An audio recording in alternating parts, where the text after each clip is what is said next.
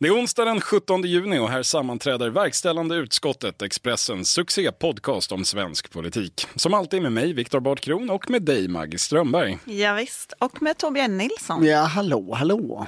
Och idag ska vi bland annat prata om statsminister Stefan Löfvens senaste medieframträdanden. Ja,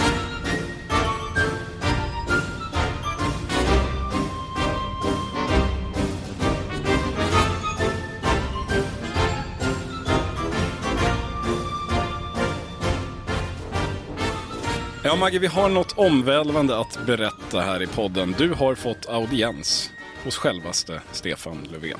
Inte alla förunnat. Ja, men nu har han ju ändå varit i, till och med i Agenda i söndags. Så att nu är det väl snart alla förunnat om han bara gör lördagsintervjun också. Men... Ehm... Ska vi kalla det verkställande utskottet-effekten? Kanske. Nej, men vi gnällde ju lite på det här för flera veckor sedan. Och sen så veckan efter då så hörde jag av mig till eh, eh Stefan Löfvens pressekreterare och frågade om, berättade om den här partiledarintervjuserien som vi hade på gång. Och frågade om jag kunde få en intervju och så fick jag det. Det dröjde ett tag men eh, nu fick jag det. Mm, hur var det då? Um, ja, men intervjun publicerades ju idag i, um, på Expressen.se i en längre version och i en lite kortare i uh, vår papperstidning. Uh, jo men det, det, var ju, liksom, det är ju intressant när man har varit, när man intervjuat många partiledare så är det ju, liksom, det är ju en, en uh, lite det är skillnad i tillgänglighet om man säger så. Jag, vi hade 20 minuter. Eh, det kan låta eh, långt men det är väldigt kort tid för en intervju som, där man vill liksom, hinna resonera, ställa följdfrågor. Jag brukar räkna att, eh, politiker svarar ungefär, varje svar är ungefär två minuter långt. Så då hinner man tio frågor. Det är inte jätte... Och då, och då tar du bort hälsningsfraser och... Ja, nu fick jag 20 minuter från det att liksom vi tryckte play. Oj, ja. Eh, eller räck. Det var så att, eh, nej, men, men, men, men man liksom innehållsligt så, det är ju svårt att intervjua Stefan Löfven. Eh, dels är han ju nu liksom väldigt defensiv. Han är inte så intresserad av att resonera kring strategin eller liksom... Eh, och då pratar vi om coronastrategin? Ja, ja, eller liksom ägna sig åt någon form av självkritik. Och det är kanske inte så konstigt. Det vore ju väldigt riskabelt för honom i det här läget att göra det. Um, han har ju bundit sig ganska hårt vid att det handlar om äldrevården och situationen i äldrevården, att det är det som gör att Sverige har så pass höga dödstal jämfört med de nordiska grannländerna. Och sen så är hans andra liksom, sak som han nu håller fast vid det är ju att man inte riktigt kan säga så mycket om den här smittan. Att det är många frågetecken kring eh, varför finns det smitta, hög smitta i Spanien men inte i Portugal till exempel. Och att det... Ja, han var väldigt inne på Iberiska halvön. Ja, men och att man då inte riktigt kan säga att det är den svenska strategin som är anledningen till att vi har hög smitta. Utan att det, det kan handla om... An... Det, det, finns fortfarande frågetecken så att säga. Jag tycker att man, man ser ju ett mönster både i, i din intervju idag och i Agenda-framträdandet, kanske ännu mer i söndags. Att, eh, Ibland är det för tidigt att dra några slutsatser, ganska ofta och särskilt när det gäller saker som kanske inte har gått så bra. Eh, men det finns också slutsatser som man preliminärt kan dra och de tenderar att vara att äldrevården är problemet, där har kommunerna inte lyckats. Testningen, där har regionerna misslyckats. Eh, däremot så har regeringen fattat det korrekta upplysta beslutet att eh, inte stänga skolor. Det har visat sig med eftertryck vara rätt beslut. Så, så, så jag menar, det, det, det finns, en, eh, det finns trots allt en, en, viss, eh, en viss utvärdering. Om... Ja, men så är det ju. Och, det, och de sakerna lyfte han ju också i, i min intervju. Men det man kan säga om kommunerna, ehm, eller äldrevården, visst finns det brister i äldrevården och det har ju varit ehm, känt under väldigt lång tid och där tycker man ju också kanske att det visste man ju innan man gick in i den här strategin. Men sen så handlar ju situationen i äldrevården handlar ju också om brist på skyddsutrustning och, och eh, brist på liksom rutiner, eh, riktlinjer pratar man om i kommunerna och det kanske inte i första hand är kommunernas eget ansvar. Nu är det väl i och för sig kommunernas eget ansvar att ha skyddsutrustning. Jag vet inte, men det, i vilket fall. Eh, det, det, finns ju annat där än just otrygga anställningar som är det som, som Stefan Löfven eh, gärna lyfter. På samma sätt så är ju testningen inte bara regionernas fel utan det handlar ju också om hur hanterade man den här teststrategin, hur, hur kom det här till? Och sen har vi den här eh, aspekten som jag tycker det är lite svårt att få ett begripligt svar på. Det är hur man egentligen ser på att grannländerna nu aktivt stoppar svenska turister från att komma in för att man inte litar på vårt förhållningssätt till smittan. Det är skillnad, man släpper in varandra. Norge och Danmark byter folk med varandra. Eh, eh, Finland välkomnar övriga Norden men inte Sverige. Eh, där har han, det tycker han är märkligt. Men får du ut hur man egentligen analyserar den situationen? Man tycker väl framförallt att det är väldigt jobbigt och att det finns liksom potential här för att det nordiska samarbetet skadas. Det har ju varit, om man tittar på eh, läget mellan Skåne och Danmark till exempel så har det ju varit väldigt dålig stämning över att det har varit okej att åka över bron från det ena hållet men inte det andra och sådär. Men de säger ju egentligen, både han och utrikesministern var ju i, i DN i veckan, de säger ju ändå ganska lite konkreta. De är ju rätt så försiktiga. De försöker ju motivera dem att smittan är lägre på olika håll i Sverige och att man kanske därför skulle kunna liksom ha ett annat förhållningssätt. Men det som, det som jag ändå tycker är mest slående efter att ha gjort den här intervjun och efter att ha sett Stefan Löfven i Agenda, det är att jag försökte resonera lite kring, kring med liksom detaljer i strategin. Alltså jag tycker att det är väldigt spännande det här hur man ser på eh, asymptomatisk och presymptomatisk smitta, alltså att man smittar utan symptom. Och jag tycker att det också, hur Folkhälsomyndigheten pratar om det, ger också en bild av hur man ser på smittan och smittspridningen. I Tyskland till exempel så tycker man att det här är en jättestor fråga, att man kan smitta utan symptom utan att veta om det. Det är en av anledningarna till att man kräver munskydd um, och att man har infört kontaktförbud och stängt skolorna. Ehm, um, Folkhälsomyndigheten när de får fråga om detta, de fick det senast igår på pressträffen, då säger de att ja, men det, där är, det där är en så liten andel, det är ganska få som smittas så vad de vet. Uh, och därför är inte det så viktigt, utan det viktiga är att liksom hålla borta majoriteten av smittan. Så de tycker att det där är en liten fråga, det som har varit en huvudfråga för andra länders strategi. Det där ville jag prata med Stefan Löfven om. Och han var helt ointresserad av att prata med det och sa bara att ja, men den, de där diskussionerna får väl de tyska experterna och de svenska experterna ha med varandra. Och det, det är något, även Ulf Kristersson resonerar ju sådär. Jag är inte epidemiolog, jag kan inte prata om det. Och det är någonting i liksom, det politiska samtalet som blir lite fattigt när man inte kan resonera kring förutsättningarna för strategin. Ja, precis. För det där ringar väl samtidigt in den, det som verkligen skiljer ut den svenska strategin, åtminstone i de andra ländernas ögon. Alltså, vi accepterar ju och har ju hela tiden gjort att vi har eh, ett mått av smittspridning. Vi vill stoppa majuriteten av smittan men vi har inte försatt oss att slå ut all smittspridning. Nej, men, och det där och, är ju också väldigt oklart. För Folkhälsomyndigheten säger ju då, eh, alltså de fick ju som sagt fråga om detta senast igår, men de har flera gånger sagt så här, vi ser inte att det är möjligt att stoppa all smitta utan vi vill liksom skydda vården, trycka ner kurvan, begränsa smittan. Men Löfven säger att vi vill trycka ner smittan så mycket som möjligt. Eh, det, det, är väldigt oklart vad som faktiskt gäller här. Jag tycker de säger olika saker hela tiden mm. i den här frågan. Och det väcker väl den frågan om man riktigt... Alltså att, kan, kan det vara så, tänker man ju då, att otydligheten i det här beror lite grann på att man kanske inte helt och fullt har eh, förstått hur strategin ser ut. Jag vet inte. Torbjörn, du är så himla tyst. Jag har aldrig hört dig vara så här tyst så här länge. Nej. Han laddar. Jag sitter och funderar på den här argumentationslinjen som regeringen har tagit och som Stefan Löfven uppvisar. Nu i alla de här, han är i sin liksom halvårliga intervjuturné, eh, sådär som han brukar göra. Eh, och säger samma sak överallt. För några veckor sedan så var ju Lena Hallengren i Ekots lördagsintervju. Och hennes uppdrag var, blev väldigt tydligt där. Hennes uppdrag var att röra till bilden.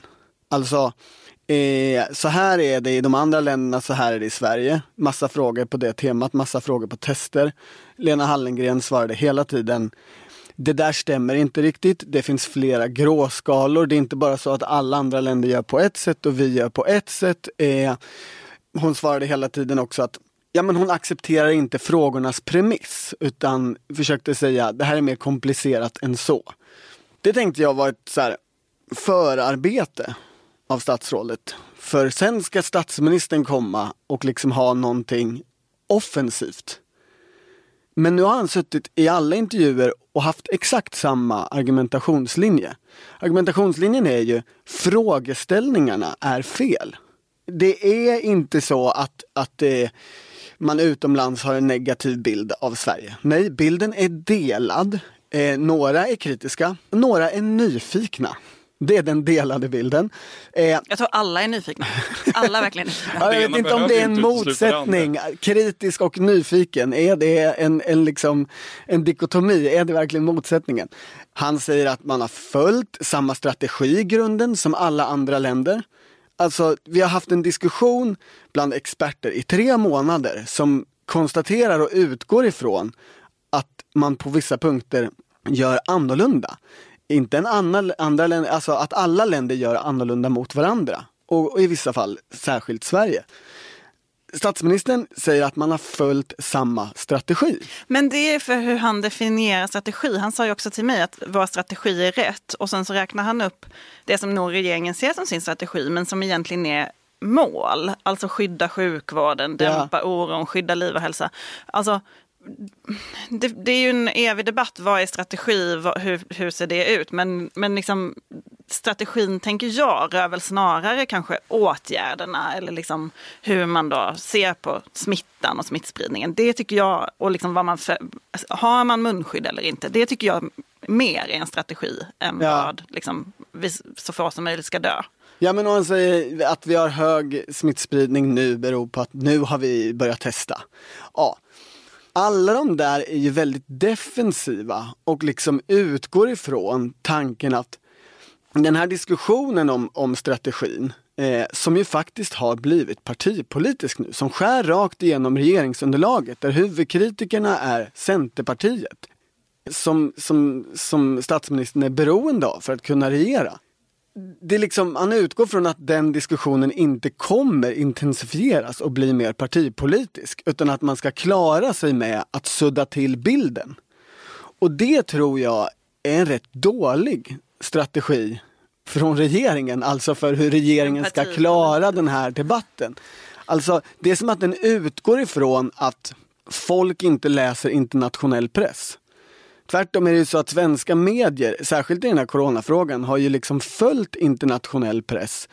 Och allt som, som är, alla diskussioner som har varit internationell press har blivit eh, liksom svenska. Det är någon slags, jag vet inte, men utrikes inrikespolitik eller inrikes utrikespolitik. De här frågorna kommer ju inte regeringen komma undan. Men vad tänk, alltså, när du säger att du tänkte att han skulle vara offensiv, vad skulle det vara? Vad skulle man kunna Ja, offensivt hade ju varit att tagit initiativ, i någon mening säga det här gick fel så här långt, därför gör vi det här. Liksom, i X har kritiker rätt, i, därför gör vi Y och lägger oss före dem så att de inte kan fortsätta kritisera. Tvärtom kommer vi komma ut som stora vinnare i, fråga, i den, den här frågan om några månader. Alltså den en, den enda punkten som man har som man kan så här, kännas, känna, liksom, han- där hans tonläge är liksom eh, offensivt är ju skolorna. Ja, och det är ju, det är ju liksom intressant. Så fort man pratar om andra länder så, kom, så då, då eh, har ju Socialdemokraterna skolorna som de drar fram. Och det, det gjorde han ju också i min intervju, eller regeringen har det. Um, och, men samtidigt som tyckte jag, det, det, det tröttnar man ju väldigt snabbt på. Man tycker så här, men det finns så mycket annat att prata om här. Men samtidigt så tyckte jag ändå att han har ju en poäng i det han säger när han säger så här, det var det mest kontroversiella beslutet. Det var det som diskuterades allra mest utomlands. Men det har ju också satt bilden av att Sverige är ett helt annat Absolut. land. Eh, Men det finns ju så mycket mer ändå som skiljer. Till exempel det här hur man ser på då eh, anhöriga som, till någon som är smittad. De, de rekommenderas fortfarande att gå till jobbet och skolan eh, så länge de inte känner symptom. Det är ju, är ju liksom också ovanligt. i ett Men jag, jag kan liksom inte se hur, man, hur, hur regeringen ska liksom klara hem den här argumentationslinjen.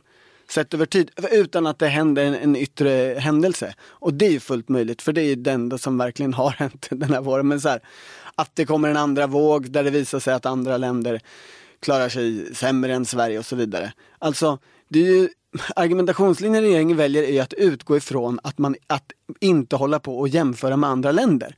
Men, men man inser inte att den liksom inrikespolitiska debatten helt och hållet bygger på jämförelser med andra länder. Och det, så kommer det ju fortsätta vara. Ja, men det finns ju också möjligheten att Stefan Löfven har rätt. Att den höga smittan inte beror på Sveriges strategi utan på något annat. Absolut. Nu har- och det är en det yttre händelse som och- liksom kan rädda den. Och det när nya händer. som man nu talar om där är ju att resandemönstret skulle skilja sig. Det har ju Folkhälsomyndigheten antytt i några veckor men igår när de fick skarpa frågor om det på pressträffen så visade det sig att de inte vet det heller för de har inget underlag på hur de andra nordiska länderna har rest utan det jobbar de på att få fram. Så det är väl en det är väl ett, ett, ett hopp för regeringen att det ska visa sig att det är så. Ja, det, det, det, man kan väl konstatera att det är en liten det står och väger lite grann inför hösten här kan jag tänka. Alltså sommaren är sommaren, då kommer folk vara upptagna med att ha sommar. Men kommer hösten, allt ska återgå till det vanliga. Om andra länder, till exempel våra grannländer då framförallt, kan återgå till ett mer normalt liv, medan Sverige inte kan det. Då tror jag att det kommer att bli jobbigt. Och om den, de här nya reserekommendationerna gör att smittan sprider sig jättemycket i andra delar av landet kommer det nog också att Det också. bli jobbigt. Vi måste prata bara lite om förutsättningarna för intervjun. Vi gjorde ju det lite grann om hur kort tid det var. Men eh, den, den frågan som jag har fått jättemånga mejl om här på morgonen är ju varför satt inte Stefan Löfven i stolen?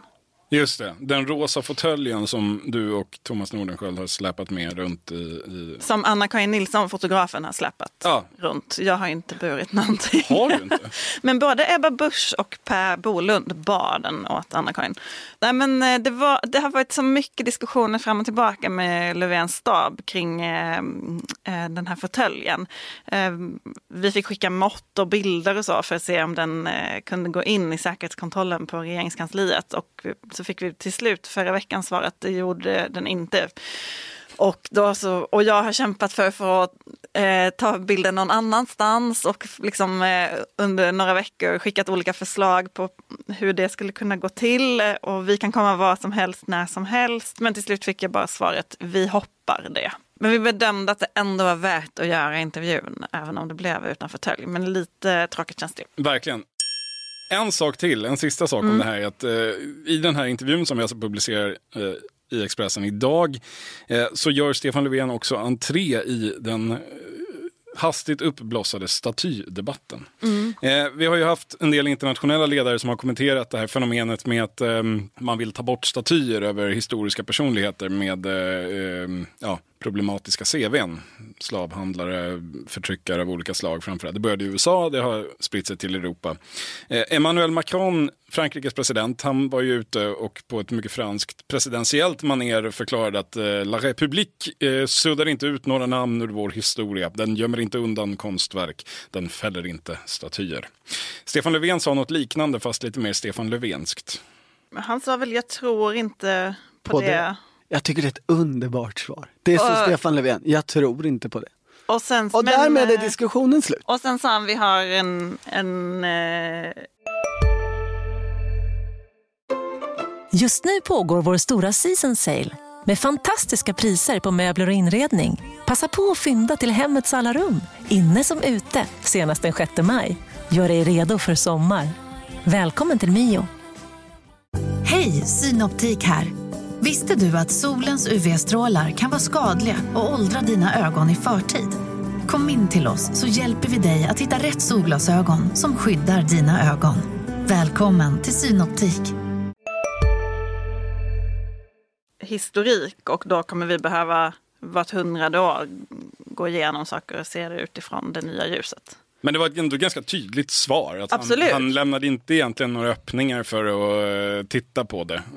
så. Absolut inte. Sen så har ju inte protesterna varit så himla starka i Sverige hittills. Det, det börjar ju komma eh, lite mer och mer, men de har väl varit lite sökta nästan får man säga. Det får den man svenska säga. debatten. Och sen ska vi säga att den här diskussionen har ju funnits i Sverige tidigare. Det här är ju faktiskt en fråga där Miljöpartiets eh, mer eh, hårdfört eh, miljöpartistiska sektion har varit tidigt ute och motionerat om att ta bort de här krigarkungarna ur centrala Stockholm. Det är ju en gammal riksdagsmotion från Annika Lillemets bland annat. Va? Du är ju expert på området. Eh, ja, men då, det är väl ungefär samma gäng som har på de miljöpartistiska kongresserna velat ha en fredsminister och Just sådär. det. Det. Så du, du var mer pacifistiska skäl som man vill flytta Ja. på Karl XII och liknande. Så Miljöpartiet var först, men fick inte rätt, som vanligt. Det här är en podcast från Expressens politikredaktion, det vet ni. Och ni vet också att vi gör betydligt mer än bara den i Expressen Politik. Vill du ta del av allt? Det hoppas jag att du vill. Vi har mycket att bjuda på. Då bör du bli premiummedlem hos Expressen. Det kostar bara 29 kronor i månaden för dig som lyssnar på verkställande utskottet. Och det gör det i sex månader ska jag säga. Ordinarie pris 69 kronor i månaden. Inte heller mycket för allt man får. Just nu får man en intervjuserie med alla riksdagens partiledare. Den har vi pratat om. I morgon, torsdag, så kommer mina partipolitiska snapsvisor för året. Mycket viktigt inför midsommar. Och vi har en lång rad reportage, ett historiskt arkiv och det ena med det andra. Expressen.se Expressen politik. Där hittar ni erbjudandet. Gå in där redan nu om ni inte redan har gjort det. Expressen.se Expressen politik. Ja, vår serie med partiledarintervjuer börjar lida mot sitt slut. Sju av åtta publicerades så här långt. Maggie, du har gjort en hel del av dem. Är det någonting som har slagit dig under arbetets gång? Jo, men en sak som eh, har slagit mig under de här veckorna är hur olika mejlkorgen ser ut eh, beroende på eh, vem man har intervjuat. Eh, och allra tydligast var det igår när eh, Ebba Busch-intervjun publicerades. Då jag fick en hel del eh, mejl som Ja, men alltså, rakt ut sexistiska får man väl säga, eh, eh, utan omskrivningar. För det var vad de var. Där liksom, eh, huvudfokus i mejlet är hur ser hon ut på bilden och det är liksom eh, väldigt nedlåtande och liksom flicka lilla sådär. Och det är ju ofta så när man skriver om politiker som är kvinnor att man får helt andra typer av reaktioner än man får annars. Absolut. Förut så var ju det framförallt, eller det var under en period när, eh, så spelade det liksom ingen roll vad man skrev om, om Annie Lööf. Men då fick man ju, eller jag i alla fall, liksom alltid den sortens reaktioner när man skrev om Annie Lööf. Det kunde vara så att säga att eh, texten kunde ha Centerpartiet och, och henne i en positiv dager eller att de hade gjort någonting där de liksom hade haft en framgång. Det kunde vara att det var en, ett bakslag, spelade ingen roll. Eh, mailen, mailkorgen såg ändå likadan ut, eller det fanns den sortens mail hela Men tiden. Det, och, och, det som är undertonen i eh, det som folk skriver, det är liksom en, att man är väldigt provocerad av att det är en kvinna som är politiker. Och kanske en ung kvinna som tar, eh, liksom, tar så mycket position och liksom framställer sig som så mäktig. Det, det finns folk som verkligen blir provocerade av det. Um, och det blev så tydligt under den här serien när man kunde också jämföra skillnaderna. Um, nu har vi Saboni imorgon. Just det, missa inte det. Här, eh, lite midsommarläsning där ja. Eh, det är intressant. Eh, innehållsligt så har vi ju haft eh, en hel del som har sagts naturligtvis. Jag reagerade på hur första intervjun med Ulf Kristersson satte ju någonstans tonen för någonting. Eh, i det här lilla sidospåret om han kan tänka sig att budgetförhandla med Sverigedemokraterna, vilket han kan tänka sig. Eh, det, blev en, eh, det blev en viss uppståndelse om det får man ändå säga. Kanske det som har eh, skapat mest svallvågor så långt. Det är en, en liten dråplig, eller hur man ska säga, eh, effekt av det blev att eh, Liberalernas inbördeskrig har blossat upp igen. Eh, jag noterade i början av veckan här så publicerades en debattartikel i Svenska Dagbladet där fem tunga liberaler Däribland Lina Nordqvist, riksdagsledamot från Uppsala, som är ett stort liberaldistrikt. Anna Starbrink, som är första namnet i Region Stockholm och Karin Karlsbro, som är partiets enda Europaparlamentariker, gick ut hårt och förklarade att detta besked då från Ulf Kristersson betyder att den politiska spelplanen har förändrats. En konservativ och nationalistisk höger formerar sig. Den som närmar sig SD lämnar Liberalerna. Det finns inget att kompromissa om med Sverigedemokraterna och så vidare. Man kan invända några saker. Är det här verkligen en ny politisk spelplan? Det här tyckte de ju redan innan. Man kan eh, tycka att det var lite konstigt att den här publicerades i Svenska Dagbladet för målgruppen är ju helt uppenbart Liberalernas egna medlemmar. Detta är ju ett nytt... Eh, eh, det här är ju Ullenhagsfalangen som, som vill skicka en signal. Och de läser inte svenskan? Eller? Nej, nej, alltså den här artikeln borde väl rimligtvis publicerats i tidningen Nu, partitidningen, mm. eller möjligen i DN som, som ju ändå får antas ha hushållstäckning i målgruppen liberala partimedlemmar. Eh, men nu gick den alltså i SvD gissningsvis för att DN hade sagt nej. Eh, jag känner att den här diskussionen har, har blossat upp lite grann igen va, men vad, va, vad, gör vi av den här? samtidigt var det väldigt tyst från Liberalernas partiledning. Eh, Nyamko Sabuni var ju i eh, Sydsvenskan gjorde en eh, intervju med henne som publicerades igår. Och det är så roligt för då svarar hon på regeringsfrågan så sa hon så här Eh, typ. Just nu samarbetar jag med Stefan Löfven. Nej, hon sa så här, jag vill samarbeta med dem vars värdegrund jag delar. Just nu är det Stefan Löfven, imorgon kanske det är Ulf Kristersson. Eh, och det illustrerar väl lite av Liberalernas dilemma. Ja, en bred värdegrund. Kan Ja. vara många. Men eh, hon gav ju inget eh, rakt svar på SD-frågan. Nej, och, men, och, och det har hon ju inte gjort heller därför att hon inte kan göra det. För då skulle den här eh, kvintetten som skriver i Svenska Dagbladet göra internuppror. Eh, vi vet ju detta. Det, detta är någonting som bara står och tuggar. Men hur stark är den där? Alltså det, eh, nej men jag tycker det, det är väldigt spännande med styrkeförhållandena i den här frågan nu. För det var ju som alla minns under regeringsbildningen eh, en väldigt liksom, eh, sårig process i partiet och så slutade det med det här eh, alldeles öppna partirådet, nej vad heter det, förtroenderådet. Eh, där de ju gick upp på scen en efter en och sen så vann då eh, sossefalangen, eller vad man ska kalla den, anti-SD-falangen. Men hur stark är den där nu? Vad spelar det för roll att en partiledare tycker annorlunda? Hon vann ju ändå. Det vill man ju veta. Ja, Torbjörn, har, du- vad säger dina försänkningar? Spelar det här partiet någon funktion? Spelar det här partiet någon roll? Om man är Alltså, det- 4 procent i DN Ipsos idag så... Oj, det är succé. Nej, jag, alltså jag skulle säga att det är det, givet omständigheterna. Det är, det är en oerhörd mängd människor som är beredda att rösta på någonting som är i princip ett svart hål just nu. Av liksom ett, ett politiskt vakuum. Nej men det, det är liksom förlorarna i partiledarstriden försöker göra här är väl liksom att fortsätta säga att det här är den frågan som ska splittra vårt parti. Och det är ju inte så konstigt att de gör det för det tycker de är, är så centralt och så avgörande. Medan liksom partiledningen väl när en förhoppning om att Håll, ligg lågt, håll tyst, andra frågor kommer dyka upp som kommer eh, sätta det här i liksom mindre viktig dager.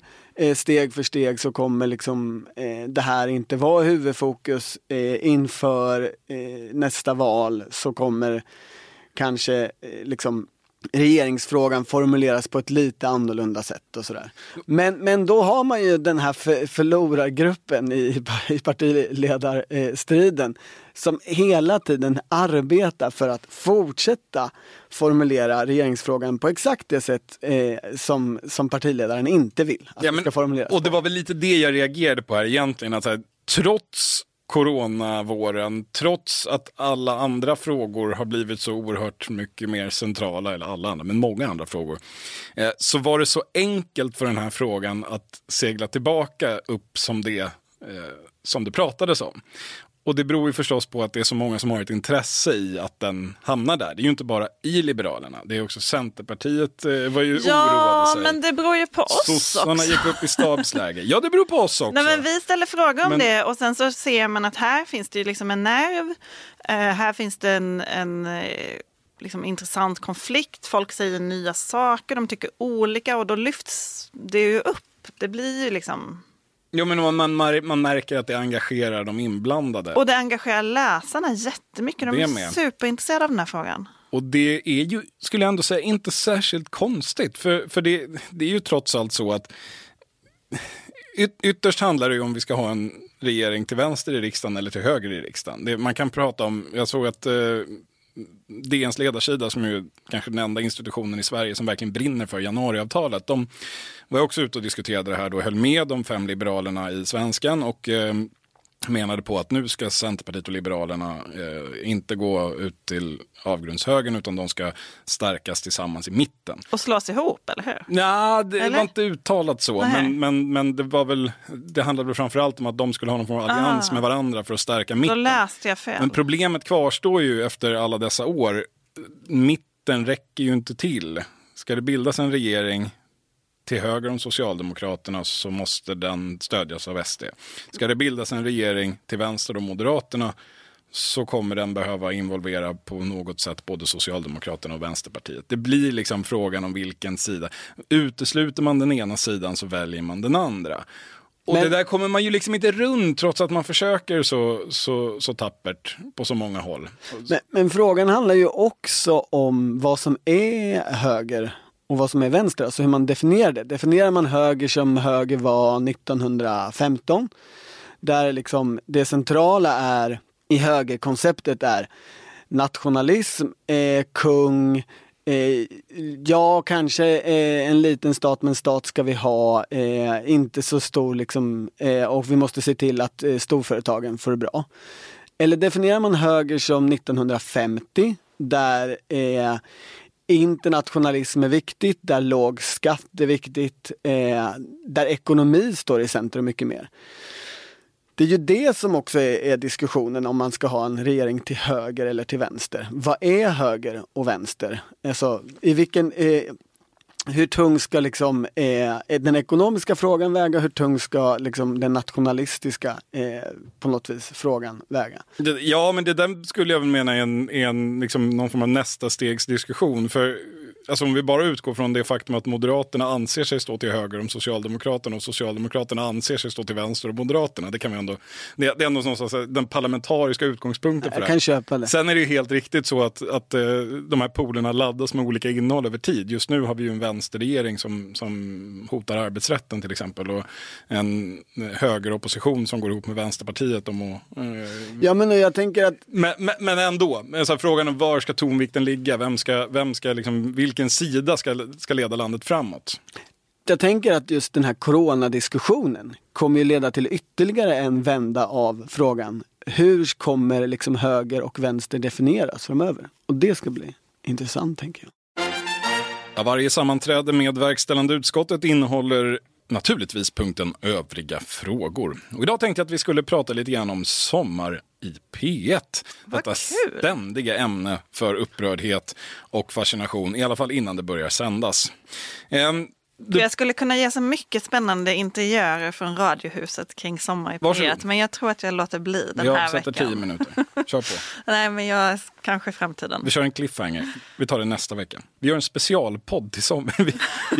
du har ett sommarprat i verkställande utskottet om, om Sommar i P1. Perfekt. i.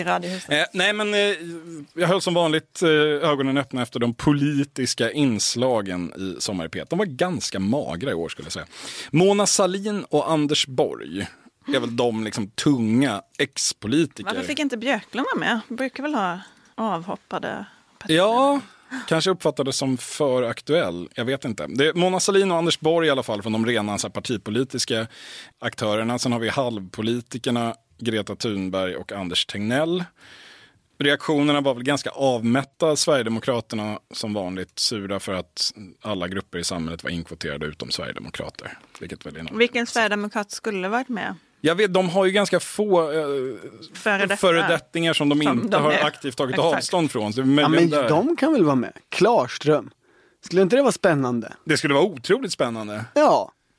Det tycker jag. Men frågan är om Sverigedemokraterna ska bli gladare för det. Jag är väl tveksam. Kanske. Nej, det är, men det kanske inte till för att tillfredsställa dem, utan lyssnarna. Just det. Eh, ja, kanske. Saknade ni någon mer? Nej, men jag, jag tycker det blir roligt att höra både Salin och Borg väldigt mycket. Eh, nu är frågan om hur, hur eh, privata de kommer vara. Det, det, skulle man ju eh, gärna vilja att de var. Att de berättade om... Eh... Alltså Anders Borg har ju sagt vad han ska prata om.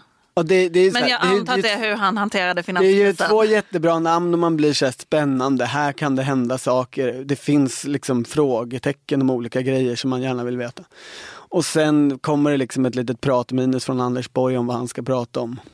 Så klarade vi finanskrisen. Mm, det sa jag ju för tre, tre, tre Så kämpigt var det. Nu ska jag berätta vad som hände. Alltså där har han berättat åtta miljoner gånger intervjuer i en hel bok där man också hade förhoppningen att man skulle få veta någonting intressant om liksom, hur, hur han omformade ett helt parti, eh, vann regeringsmakt två val i rad.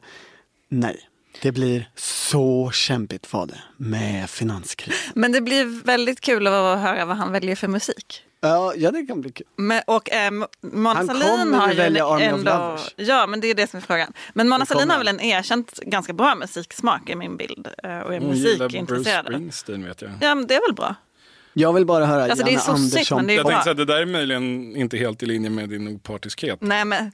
Komma ut som Bruce Men Bruce Springsteen är bra, ä- även om det är sos- so- sossigt. Mhm. Men ja, i alla fall. Men jag, skulle, jag, jag tycker ändå att Mona Sahlin är Sveriges liksom mest spännande politiker på jättelänge. Jag tycker alltid det är intressant när hon pratar. Jag har en liten dröm om att skriva en bok om henne, men jag tycker att det verkar lite för jobbigt. Men eh, så jag ser i alla fall fram emot det där sommarpratet. Ja, ser ni fram emot Anders Tegnell då? Eh, det, där har det ju blossat upp en liten debatt, Det bland annat av vår kulturchef Karin Olsson som tycker att det är alldeles fel tid för honom att sommartala. Vi har ju hört honom prata en del känner man. Det är väl möjligen det jag känner också. Att det är, är det någon vars röst man har hört eh, så är det ju Anders Mm. Tegnell. Men intressant då, apropå det här med att eh, Sommar i P1s opartiskhet. Man har ju faktiskt bjudit in Björn Olsen också. Mm. Anders Tegnells nemesis. Den ständiga kritikern som dyker upp i nyhetssändningen efter. Ja, han har varit med förr. Mm, jag tror Han har, han har det. sommarpratat tidigare. Men det är ingen slump att han inte Nej, gjorde nej, nej, nej. Nej. Lena Einhorn hade varit roligt om Ja, hade haft det. jag saknar ju Johan Giesecke. Han, Mm. han, där, där kan vi prata om en person som hördes överallt. Det är frågan vem som ska fakturera. Ja, precis. Det är, vart ska fakturan hamna? Det är väl diskussion Ja, jag skulle vilja höra en kanske. timme där han går igenom alla utfästelser han gjorde och hur det sen gick med dem. Det skulle kunna bli spännande. Men eh, Men hans kommentar kring det har ju varit, vi släpper det. ja, och det kanske vi också ska göra nu. Har vi något beslut på den här övriga frågan? Nej, vi ska avsluta mötet nu. Aha. Det är dags. Okej. Vi, vi Ehm, kommer aldrig till beslut. Det är, det är meningslöst. Verkställande utskottet är slut för den här veckan. Vi är tillbaka nästa vecka. Tack och hej.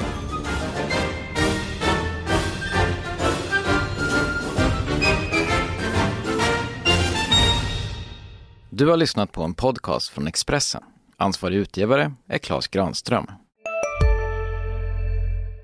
CSRD. Ännu en förkortning som väcker känslor hos företagare. Men lugn, våra rådgivare här på PWC har koll på det som din verksamhet berörs av. Från hållbarhetslösningar och nya regelverk till affärsutveckling och ansvarsfulla AI-strategier. Välkommen till PWC.